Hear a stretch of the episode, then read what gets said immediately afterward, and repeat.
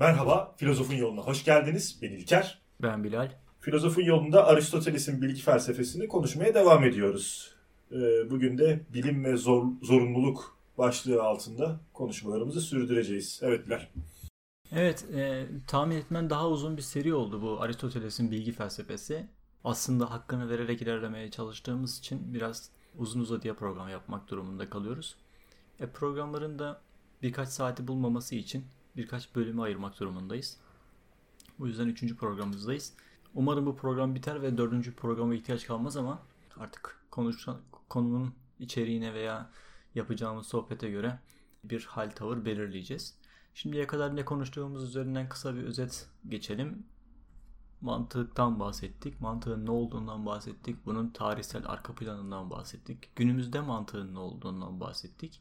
Tarih içerisindeki 18. yüzyıldaki tartışmaları vesaire bir elden geçirdik. Sonra mantığın temel öğelerinden bahsettik. Üzerinde pek durmadık gerçi bunların ama özdeşlik, çelişmezlik ve üçüncü halin olmazlığı ilkelerinden bahsetmiştik. Bu ilkeleri yeniden bir hatırlayalım. Özdeşlik ilkesi özdeşlik ilkesi aynı zamanda şey için de geçerlidir. Varlık felsefesi için de geçerlidir. Yine geçtiğimiz iki programda Aristoteles'in mantığın prensiplerini ve kurallarını varlık için de geçerli olduğunu kabul ettiğini ben bahset, kabul ettiğinden bahsetmiştik. Bu özdeşlik, çelişmezlik ve üçüncü halin olmazlığı ilkeleri aynı şekilde varlığa da tatbik edilir Aristoteles tarafından. Neydi bu özdeşlik ilkesi? En kısa tanımı bir şey neyse odur. Bu eşitlik veya benzerlik değildir. Bir, bir, iki tane metalik bir lira düşünelim. Bunlar birbirlerine eşittirler. Hem bizim onlara atfettiğimiz ekonomik değerler hem de fiziksel değerler açısından. Ama birbirlerinin aynısı yani birbirlerine özdeş değillerdir bunlar. Her bir lira bağımsız olarak kendisine özdeştir. Ancak özdeşlik aynılıktır. Özdeşlik bir şeyin başka bir şeyle ilişki kurulmaksızın kendisi olarak düşünülmüş olmasını ifade eder. Özdeşlik ilkesini önermeye tatbik ettiğimiz zaman da bir yargıya tatbik ettiğimiz zaman da o önermenin doğruluk değerinin hep aynı kalması kastedilecektir. Biz bu özdeşlik ilkesinin aynı zamanda ispatlanamadığından da bahsetmiştik. Çünkü bir şeyin kendisini aynı olduğunu ispat etmenin tek yöntemi yine temelde bu argümana dayanmaktır. Bunu ancak biz dolaylı olarak ispat edebiliyoruz. Yani bu birçok temel kavram için geçerlidir bu arada. Ee, bir şeyin ne olduğu değil ne olmadığı üzerinden tanım yaparız. Şimdi hep temel kavramlara indiğimiz zaman aslında bizim hiçbir şeyi tanımlamaya, tanımlayamadığımızı görüyoruz. Neyi tanımlarsak tanımlayalım yeni hangi kavramı, hangi terimin işin içinden, içinden çıkmaya çalışırsak çıkalım yepyeni kavramlarla boğuşmak durumunda kalacağız. Haliyle temel kavramlar ne olduklarıyla değil daha çok ne olmadıklarıyla tarif edilmesi daha mümkün olabiliyor birçok durumda. Özdeş ilkesi de yine böyle bir şeydir. Diğer ilkesi, diğer ilkemiz çelişmezlik ilkesi. Bir şeyin kendisinden başka bir şey olması çelişkilidir. Bir şey hem kendisi hem de başka bir şey olamaz. Çelişmezlik ilkesi özdeşlik ilkesi olmadan düşünülüp tasarlanamaz. Yani bizim bir çelişmezlik ilkesinden bahsedebilmemiz için önce özdeşlik ilkesinin var olması ve onu biliyor olmamız gerekiyor. Zaten çelişmezlik ilkesi de bundan kendiliğinden otomatik olarak ortaya çıkar. Bunun matematiksel ifadesi de A, A olmayan değildir. Yani bir şeye A dedik mi A'dan başka olan her şey için A'ya özdeş olmayan her şeydir diyoruz. A, A olmayandır. Çelişmezlik özdeşliğin tasdikidir. Bir değilleme değildir. Özdeşlikle beraber düşünülür. Farklı bir şey değildir, disiplin değildir. Farklı bir kural değil. İkinci kuralı gibi değildir yani. Özdeşlik olmadan var olmayacak. Sanki özdeşliğin açıklamasının bir değişik versiyonu gibidir yani. Bir de üçüncü halin olmazlığı ilkesinden bahsediyoruz. Her x ya a ya da a olmayan olmak zorundadır. Üçüncü bir hal düşünülemez. Bütün mantık yani biz varlığı böyle tasavvur ediyoruz. Önermelerin doğruluklarını da bunlara göre tasavvur ediyoruz. Ve mantık da temelde bu üç ilke üzerine şekilleniyor. Daha sonra biçimsel olarak doğru ve geçerli kıyas başlığından bahsetmiştik. Terimlerin üzerinde durmuştuk, kategorilerin üzerinde durmuştuk. Terimlerin ve kavramların neler olduğu üzerine uzun uzun durup tanımlar yapmıştık. Sonra kategorilerin ne olduğunu söylemiştik. Kategorilerin teknik bağlamında bir yüklem anlamına geldiğini ve kategorilerin bir özneye yüklenmeleri mümkün olan en genel yüklemler olduğundan bahsetmiştik. Sonra önermeler ve yargılardan bahsettik ve çıkarımlardan bahsettik. Aristoteles'in de bilimsel olarak doğru ve geçerli kıyasın ne olduğuna, neler olduğunu belirlediğinden bahsetmiştik. Konumuza kaldığımız yerden devam ediyoruz. Bilimde zorunluluk ilişkisi üzerinde duracağız biraz. Aristoteles'e göre bilimin duyum ve algıdan farklı bir şey olmasının asıl nedeni duyumların sadece var olanı, sadece olguyu göstermesi ama olanın, var olanın, ol, olgunun zorunluluğunu göstermemesidir. Mesela bir ocakta suyun kaynadığını farz edelim. Duyularımız bize sadece sıcak bir su olduğunu söyleyecektir. Fakat bunun ateşle ilişkisinden bahsedemeyecektir. Daha doğrusu duyular bize bir zorunluluk durumu, ateşten dolayı suyun kaynadığını bildiremeyecektir. Ne demek istediğimi biraz daha anlaşılır kılacağım. Şimdi önermelerdeki bağlantıları zorunlu bir şekilde onaylamayı mümkün kılan şey kıyastır Aristoteles'e göre. Olgusal önermeleri mantıksal bir akıl yürütmenin e, kıyasın öncülleri olarak ele alıp onlar arasında ilişki kurduğumuzda sonuç önermesinde özne ile yüklem arasında bir zorunluluk kurarız ve zorunlu olarak tasdik edildiği önermelerden meydana gelmiş olur. Bu arada önermelerdeki zorunlu olmama ilişkisi sadece tikel önermeler için değil, tümer önermeler için de geçerlidir. Örneğin suyun kaynaması ile ateşin ilişkisinin zorunluluğu nerededir? Evet, şimdi az önce burada bir zorunluluk olmaması olmadığından bahsettik ve açıklamayı birazcık geriye ertelemiştim. Şimdi modern çağda da Hume bu soruyu sordu. Burada zorunlu ilişki kuramayız. Bunu Aristoteles de kabul eder. Yani biz suyu kayna suyun kaynadığını görüyor olmamıza rağmen bunun ateşten dolayı olduğunu düşünmemize rağmen doğal olarak aslında böyle bir zorunluluk ilişkisi kuramıyoruz maalesef. Biz bunu sadece varsayıyoruz.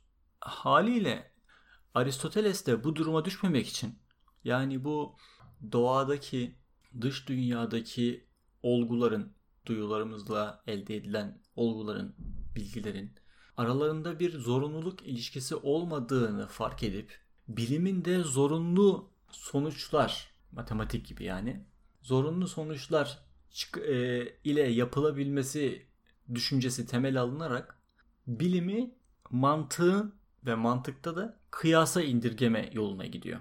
Kıyasta durum nasıldı? Sonucun zorunlu olduğundan bahsetmiştik değil mi önermelerde? Tekrar Sokrates'in ölümlü olduğu örneğini hatırlayalım.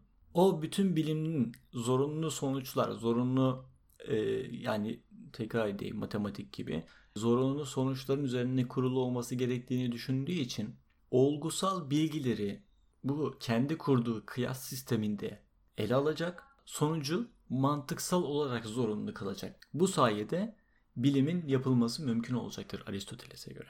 Web sitesindeki notları okursanız söylediklerim biraz daha değerli toplu olarak karşınıza çıkacak. Peki ee, şunu soracağım. hı hı. Ee, sonuç önermesindeki özneyle yani çıkarımdaki özneyle yüklemin bağlantısının kaynağı nedir? Özne ile yüklemin bağlantısının kaynağı nedir? İlk iki önermedeki yani e, kıyasta kullanacağımız ilk önermelerde yani doğaya bakarak elde ettiğimiz yargılardan yola çıkarak kurduğumuz önermelerde biz özne ile yüklem ilişkisini doğa, doğaya bakarak kuruyorduk ama sonuç önermesinde tamamen artık akılsal yani mantık mantık ve kıyas yöntemiyle elde edilmiş bir sonuç karşımızda ve buradaki ilişki kaynağı doğa değil akıl olacaktır. Bağlantıyı tesis eden şey doğa değil akıldır. Evet. Aklın kendisi kendi gücü, kendi kuralı ve kendi yasasıdır. Peki ilk önermeyi de akıl oluşturmadı mı? Elbette doğada gördüğümüz şey nihayetinde ona anlam kazandıran, onu bir önermeye, bir yargıya dönüştüren şey biziz. Yani ateş suyu kaynatır önermesi doğada var olan bir şey değildir. Onu biz tasarlarız, biz kurarız. Ama biz burada tüme varımsal bir yargı kullanmıştık. Fakat aklın asıl ve gerçek doğru kullanımı Aristoteles'e göre dediktif tarzda kurulacak kıyaslamalarla mümkündür. Hatta ona göre ilk e, yani ateş suyu ısıtır önermesi. Bu bir tümü varımsal önermedir. Bu önermede aklın hatalı kullanımından bile bahsedebiliriz. Şöyle bir örnek verelim. Mesela sen bir otomobil satın alacaksın. Aklında X bir markanın otomobillerinin konforlu, güvenilir, ekonomik olduğu ile ilgili bir yargı var. Arabayı satın almak için galeriye gittin. Denedin, test ettin istediğin modeli. Tam satın almak istiyorsun. Arabanın yani senin kullandığın test modelinin satılmış olduğunu öğreniyorsun. Ne yapacaksın? Yenisini sipariş edeceksin değil mi?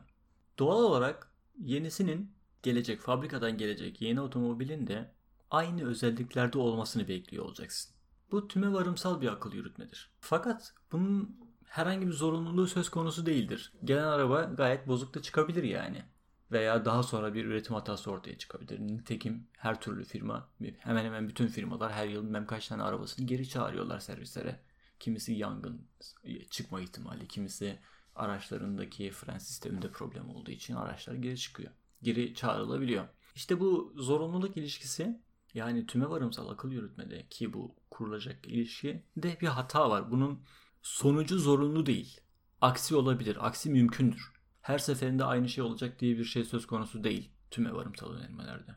Ama biz günümüzde tüme varımsal önermelerle şekillenen bir bilim anlayışı benimsemiş durumdayız. Ne diyoruz buna? Yanlışlanabilme ilkesi diyoruz buna. En azından bir kıstas belirliyoruz ve önermeleri o şekilde kabul edilebilir hale getiriyoruz. Geçelim bu konuyu. Daha önce özellikle ilk çağ felsefesinin yani e, presokratik dönemde de bolca konuşmuştuk bu konuları. Nedensellik e, ilişkisini.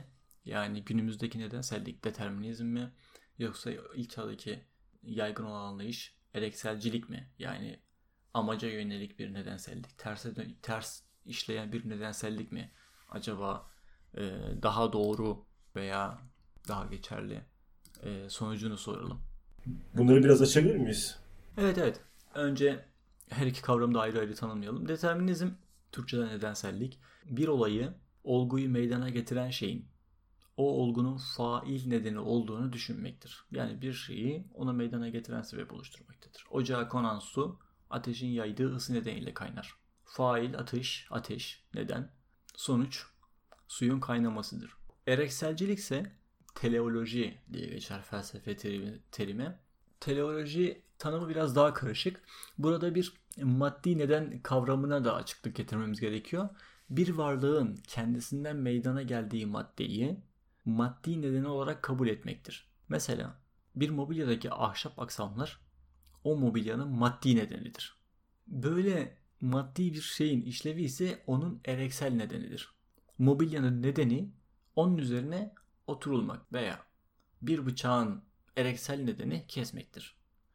Bıçağın maddi nedeni onun için kullanılan ahşap, metal veya plastik malzemelerdir. Bunlar maddi neden. Amaçsal nedeni o bıçağın kesmesi, delmesidir. Yani bıçak kesmesi için var. Bıçak var olduğu için kesmiyor. Mantıksal bir akıl yürütmede biz kendisinden hareket ettiğimiz öncüller aslında bu akıl yürütmede kendisine vardığımız sonucun ortaya çıkmasını mümkün kılan veya gerektiren şeyler yani gerekçeler olmaları anlamında onun nedenidirler. İşte böylelikle Aristoteles'in bilim nedenle bilmektir değişinin de mantıkla ilişkisini görüyoruz. Kısaca tekrarlayayım bu bölümü.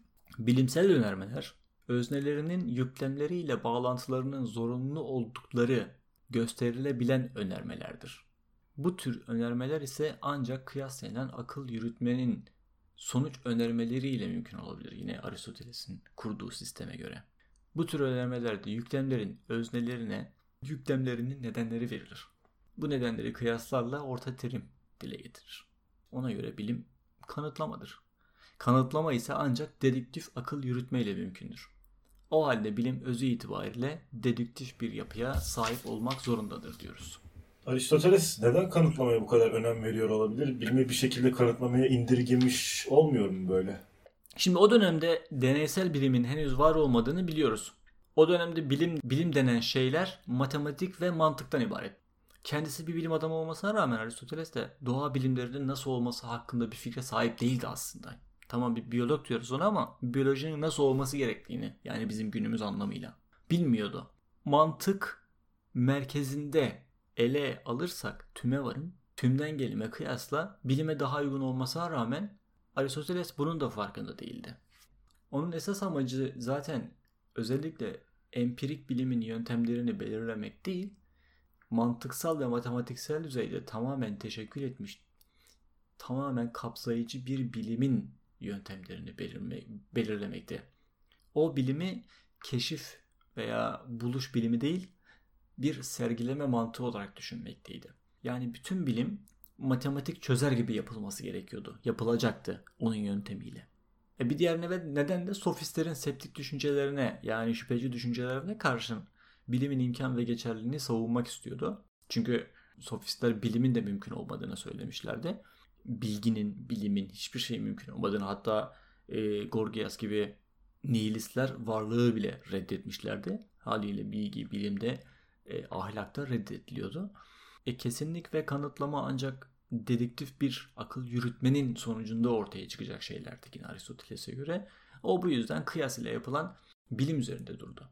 Bu yüzden kanıtlamaya bu kadar önem verdi. Peki şunu soracağım ben. E, mantıksal bakımdan tutarlı, geçerli akıl yürütmelerin kıyaslar sonucunda varılan sonuç önermelerin kesin ve zorunlu olmasının bilim, bilimsel bilgi bakımından değeri var mıdır? Şöyle bir akıl yürütmenin kıyasın e, biçimsel doğruluğu genel olarak doğruluğunun gerekli şartıdır ama yeterli değildir. Bunun için öncülerin de aynı zamanda doğru olması gerekir. Yani en azından bu anlamda Aristoteles mantığında bir sorun yoktur. Peki öncüllerin kendilerinin daha önceki doğru kıyaslarının sonuçları olacağı, tümüyle kanıtlanmış doğru önermelerin sonsuza kadar gideceği tamamen dedüktif yapıdaki bir bilim ideali mümkün müdür? Mantığın matematik benzeri dedektif bir yapıda, yapıda olduğunu söylüyoruz deminden beri. E, mantığın en temeline indir, indiğimizde de ön kabuller ve aksiyonlarla karşılaşıyoruz. Yine matematik gibi. Yalnız Aristoteles bilimsel mantığı işaret ederken onun matematik gibi soyut ve hayatla ilgisi olmayan bir disiplin olmasından ziyade gerçek hayata dokunan bir bilim olarak inşa etmek istemişti. Haliyle Aristoteles de bu sorunla yüzleşir. E, o bilimi meydana getiren bilimsel kıyasların akıl yürütmelerin bu ilkelerinden son tahlilde kıyas haricinde bir yolla elde edilmesi gerektiğini kabul eder. Bu yol genel olarak duyuların kullanılması, gözlem ve deney yapılması, hülasa deminden beri bahsettiğimiz tüme varım yoludur. Ama ona göre tümden gelim, tümelden tikele, tüme varım, tikelden tümele giden bir işlemdir. Birincisi doğa bakımından, ikincisi birey bakımından kavraması daha kolaydır. Bununla beraber bilimlerin ilk ilkelerinin tüme varım veya algıyla kavrandıklarını söyler. Ee, Aristoteles için tüme varımın esas doğası insanı özel bir bilgiden tümel bir bilgiye sevk etmesini de yapmaktadır. Yani biz bilimimizi, bilimin temellerini, ilk ilkelerini, ilk kavramlarını tüme varımla elde edeceğiz. Doğrudur ama bu bize bir kesinlik vermez. Bu yüzden biz bu kesinliği elde etmek için tümden gelimi, direksiyonu kullanacağız. Peki tüme varımın kendisine has bir problemi var mıdır? Her şeyden önce her zaman sınırlı sayıda olmak zorunda olan tekrarlanan bir deneyim bize bir varlık veya onun olayın olgunun mahiyetini sezdirmede kesin bilgi verecek bir yeterlilikte olmaması e, onun esas problemidir. Her zaman kullandığımız tümevarım yöntemini kullanalım. Bir örneğini, bir deneyini, bir akıl yürütmesine ne diyoruz? Şu suyu aldım, kaynattım, 100 derecede kaynadı. Bu suyu da aldım, kaynattım, 100 derecede kaynadı. Öbür suyu da aldım, kaynattım, 100 derecede kaynadı. Biz bunu artık suların 100 derecede kaynadığı sonucuna varmaya varıyoruz artık. Bunu bir tüme varımsal önerme olarak kabul ediyoruz. Ama şöyle bir kusur var. Öbür suyu kaynattığımız zaman kaynamama ihtimali var 100 derecede. Daha doğrusu mantıksal olarak kaynayacaktır bu. Bizim duyularımızla elde ettiğimiz, gözlemlerimizle elde ettiğimiz sonuçlara uygun olarak sıra dışı bir şey yoksa suda veya ateşte sıra dışı bir sorun yoksa veya ölçü aletinde sıra dışı bir durum söz konusu değilse o su 100 derecede kaynayacaktır. Ama bunu zorunlu hale getiren bir unsur yok doğada. O suyu her seferinde 100 derecede kaynatacak bir kaide yok. Biz bunu sadece akılsal olarak elde ediyoruz. Şimdi bir sınıfa ait e, bütün üyeleri bir türe ait bütün bireyleri teker teker yoklasak bile gözlemlediğimiz, tekrarlanan, gözlemlediğimiz tekrarlanan herhangi bir özelliğin bu varlığın mahiyetini e, bize vermiş olduğu şeklinde sahip olabilecek, sahip olacağımız kesinlik duygusunun kaynağı nedir? Tek teker bir bireysel deney söz konusu genel yasanın özel bir örneğinden başka bir şey değildir. Evet. Bir birey veya olayla ilgili e, tekrarlanan deneyler bu tekrarın sıklığına göre onun belli bir özelliğinin temel özelliği olduğu yönünde bize bir kanaat veya inanç verebilir. Ama bunun mantıksal olarak hiçbir geçerliliği yoktur. Mesela neden sayısız beyaz kuğunun varlığı tek bir siyah kuğunun varlığına karşı bir ağırlık teşkil etmemektedir? Bunun nedeni sayısız beyaz kuğu kuğuyu ne kadar temsil ediyorsa tek bir siyah kuğunun da kuğuyu o kadar temsil etmesidir. Yani biz 4000 farklı suyu kaynattık 100 derecede kaynadı. Bu suları ne kadar temsil ediyorsa bu 4000 farklı deney ama tek bir tane suyu kaynamadı. O kaynamayan su da suyu o kadar temsil ediyor. Şimdi tümden gelimde bir akıl yürütmeden bahsediyoruz. Aynı şey tümevarım içinde geçerli midir? Aristoteles'e göre burada bir akıl yürütme söz konusu değildir. Tümevarım duyuma benzer. Akıl veya ruh bir veya birden çok örnek varlıkta o türü bütünüyle ve doğrudan kavramaktadır. Tümevarım esas itibariyle psikolojik olarak özel hallerin bütünsel bir görülmesini içeren doğrudan bir seziş işlemidir. Duyum nesneyi bireysel özelliği içinde kavrarken tümevarım nesneyi tümelliği içinde kavrar. Bu kavrayışın aklın ürünü olmadığını mı söylüyoruz yani? Yani burada aklın türlerine girmek durumunda kalacağız. İlk tür aklın akıl yürüterek yani kıyasla sonuca ulaşması. Diğeri ise ikinci türde duygulardan beslenen sezgisel bir akılsal işlemdir. Birincisi akıl yürütme, tasdik. İkincisi ise kavramadır, tasarruf. Aristoteles böyle bir e, ilişki kuruyor. Yani biz bugün doğadaki herhangi bir şeyle yani e, bardak elimizden kaydı yere düştü. Biz burada artık yere düş de, ha, nesnelerin yere düştüğü sonucuna varıyoruz. Bu sezgisel bir kavrayıştır Aristoteles'e göre. Ama dedektif yöntemle yani tümden gelimsel yöntemle yaptığımız şey tamamen bir akıl yürütmedir. Bir matematik hesaplama gibi bir yöntemdir. Çıkarım elde ediyoruz. Yani Aristoteles'e göre aynı şey değil. Tümelin öz ve doğa arasındaki ilişkilerle ilgili bir kısmı var. Hem program uzun olacağı için hem de anlatması gerçekten biraz zor olacağı için yani daha doğrusu ben anlatsam da pek e, kolay anlaşılmayacağı için e, bunu okumanızı tavsiye ediyorum. Web sitesinde bu bölümle ilgili notlar paylaşacağım. Gerçekten biraz karmaşık ve program için özellikle şu anda anlaşılması pek mümkün olmayacak. O yüzden bu kısa bölümü geçiyorum. E, son olarak daha önce de bahsettiğimiz diyalektikten bahsedip Aristoteles'in bilgi felsefesi konusunu artık bitirmek istiyorum. Buradaki ana başlığımız da topikler. Yine bu Aristoteles'in Organon isimli serisinin bir tane kitabıdır.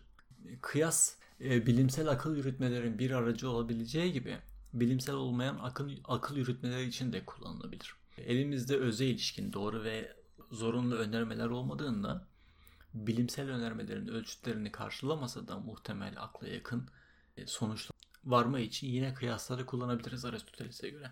Biz de zaten günlük hayatımızda kıyasları bu şekilde bolca kullanıyoruz aslında pek fark etmesek bile. Platon daha önce diyalektiği bilimle özdeş e, kılmıştı ama Aristoteles bunu kabul etmemektedir. Diyalektiğin Sokrates'in ahlaka ilişkin doğruları ortaya çıkarmak için kullandığı diyalogla sıkı ilişkileri vardı. Yani o bizim diyalogos diyoruz ya. O bir diyalektik yöntemle tez, antitez ve sentez sonucunda ulaşılan yargılardı. Tabi Aristoteles için diyalektiğini biraz daha farklı bir tanım var onunla göreceğiz şimdi. Haliyle o diyalektiği kendi bilimsel yöntemi olarak görmüyor ve deminden beri iki programdır bahsettiğimiz kıyasları ortaya atıyordu. Yani Sokrates'in insanlarla yaptığı diyaloglar ahlaki doğruları ortaya çıkarıyordu. Platon bu diyalog formunu tüm eserlerine kurmuştu. Gerek iyi soru sorup iyi cevap verme sanatı olarak gerekse de kavramları düzgün bir biçimde birbirleriyle birleştirme ve ayırma, bölme sanatı olarak diyalektiği bilimin yöntemi olarak sunuyordu. Aristoteles bunu bir bilim yöntemi olarak görmemekle beraber kanılara değer veriyordu. Hiç değer vermiyor değil. Yine kendisinden bir alıntı yapalım. Sağduyuya sahip hiçbir insan hiç kimse tarafından savunulamayacak bir iddia ileri sürmez ve hiç kimse herkes için veya insanların çoğunluğu için apaçık olan bir şeyi bir güçlük olarak ortaya koymaz. Sağduyu veya kanılar ahlak ve siyaset gibi alanlarda daha kabul edilebilir bir ölçüt veya bir bilgi türüdür Aristoteles için. Ona göre diyalektik yöntemin e, çeşitli faydaları da var.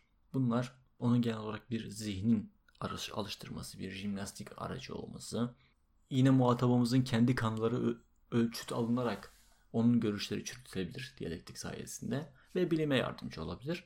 Bunu da her bilimle ilgili belli başlı sorunları, güçlükleri ele alıp onlar hakkında ileri sürülen çeşitli ve farklı görüşleri öğrete, öğret, öğretecek şekilde veya bilimlerin ilk ilkelerini açığa çıkarmakta bize yardımcı olabilecek şekilde açığa çıkarılabilir dedik. Ona göre diyalektik akıl yürütme sofistik akıl yürütmeden farklıdır. Sofistik akıl yürütme ya muhtemel veya genel olarak kabul edilmiş görünen ama gerçekte öyle olmayan kanılardan hareketle yapılan bir akıl yürütmedir. Ya da genel olarak kabul edilen ya öyle görünen kanılardan hareket eden ama düzgün bir biçimde yönlendirilmeyen bizzat akıl yürütmenin kendisinde yanlışlar yapılan bir akıl yürütmedir. Yani safsata. Aristoteles bunun haricinde sofistik akıl yürütmeleri de iki gruba ayırıyor. Bunlar kelimelerden veya kelimelerin anlamlarıyla ilgili karışıklıklardan ortaya çıkan akıl yürütmeler veya dilden ileri gelen yanıltmacılardır. Mesela örnek verelim. Kaybetmediğimiz şeye sahibizdir.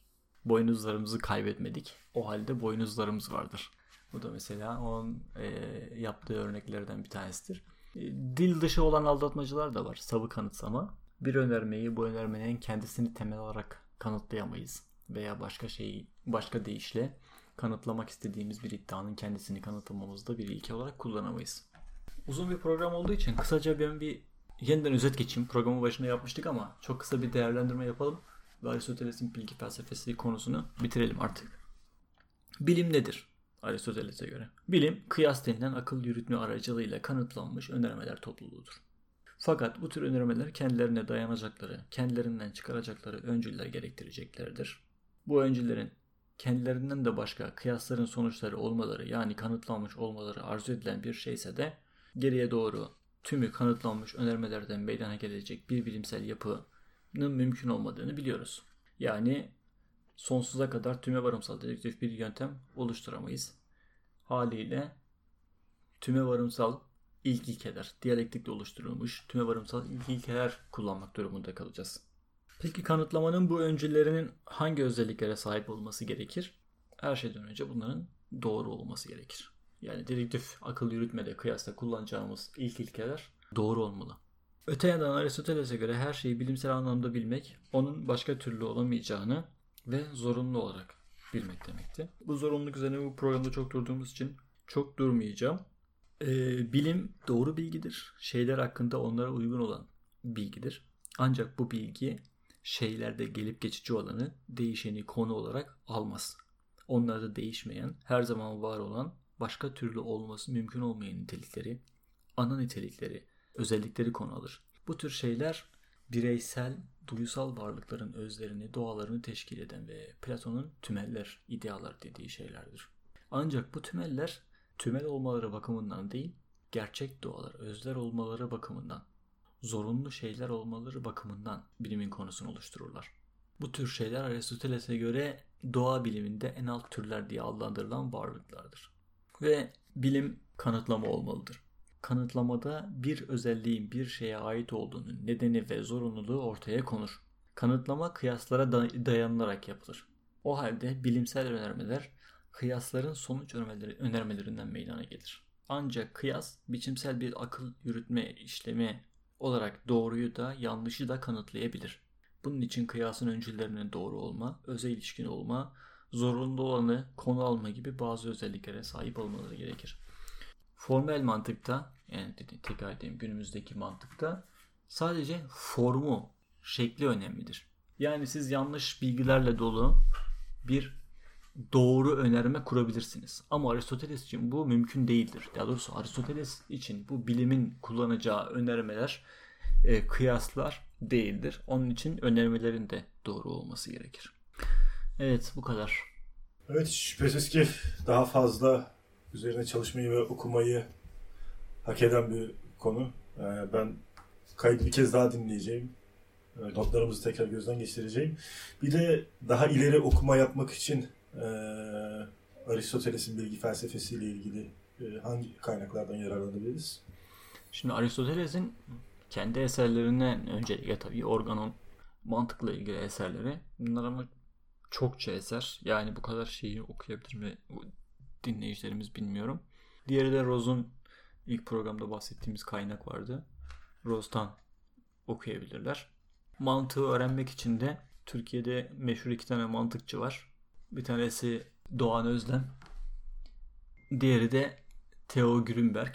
E, o da soyut mantığı epey işliyor. E, kitapları epey önemli. Türkiye'deki soyut mantık eğitimlerinde çokça kullanılıyor. Bunlar yeterli olacaktır diye düşünüyorum. Daha sonra bilim felsefesiyle ilgili, bilgi felsefesiyle ilgili bir dizi de yapacağız. Şu ilk çağı bir ortadan çıkartalım. Çünkü ilk çağ e, anlaşılması önemli. Felsefenin temel kavramlarını hep ilk çağda öğreneceğiz. Hatta orta çağ mesela bu kadar durmayacağım üzerinde. Ama ilk çağ üzerinde ayrıntılı duruyoruz ki bunlar bizim temel bilgilerimizi oluşturacak. Daha sonra bilgi felsefesinden bahsedeceğiz. Aristoteles'e hiç değinmeyeceğiz Aristoteles'e. Bilgi felsefesini konuşurken. Çünkü artık bunlar geçerliliğini yitirmiş. Bizim kullandığımız yöntemler veya kıstaslar değiller. Ama bugün kullandığımız yöntemler temellerini hep buradan alıyor. Hani biz Aristoteles'in ve Platon'un bilgi felsefesini görmeseydik doğrudan modern felsefeyi, modern bilgi felsefesinden anlatıyor olsaydım hani bu dinleyicilerimizin bu programları anladığını varsayarak söylüyorum tabii bunu. Modern felsefeden bir şey anlamay anlamayabilirlerdi yani. Yani bunu bunu dinledikten sonra daha mantıklı inşası mantığını kurmak, kavrayış daha kolay olacak. Ama bunu anlatmamış olsaydık daha havada kalacaktı birçok ifade belki. Yani bu alandan ekmek kazanmıyorsanız, özellikle bir uğraşınız yoksa üzerinde çok durmaya gerek yok aslında yani. Sadece temel kavramları bilmek yeterli olacaktır diye düşünüyorum ben. O zaman e, Aristoteles'in o zaman Aristoteles'in varlık felsefesini bir sonraki programda konuşmaya başlayacağız. Esen kalın diyelim.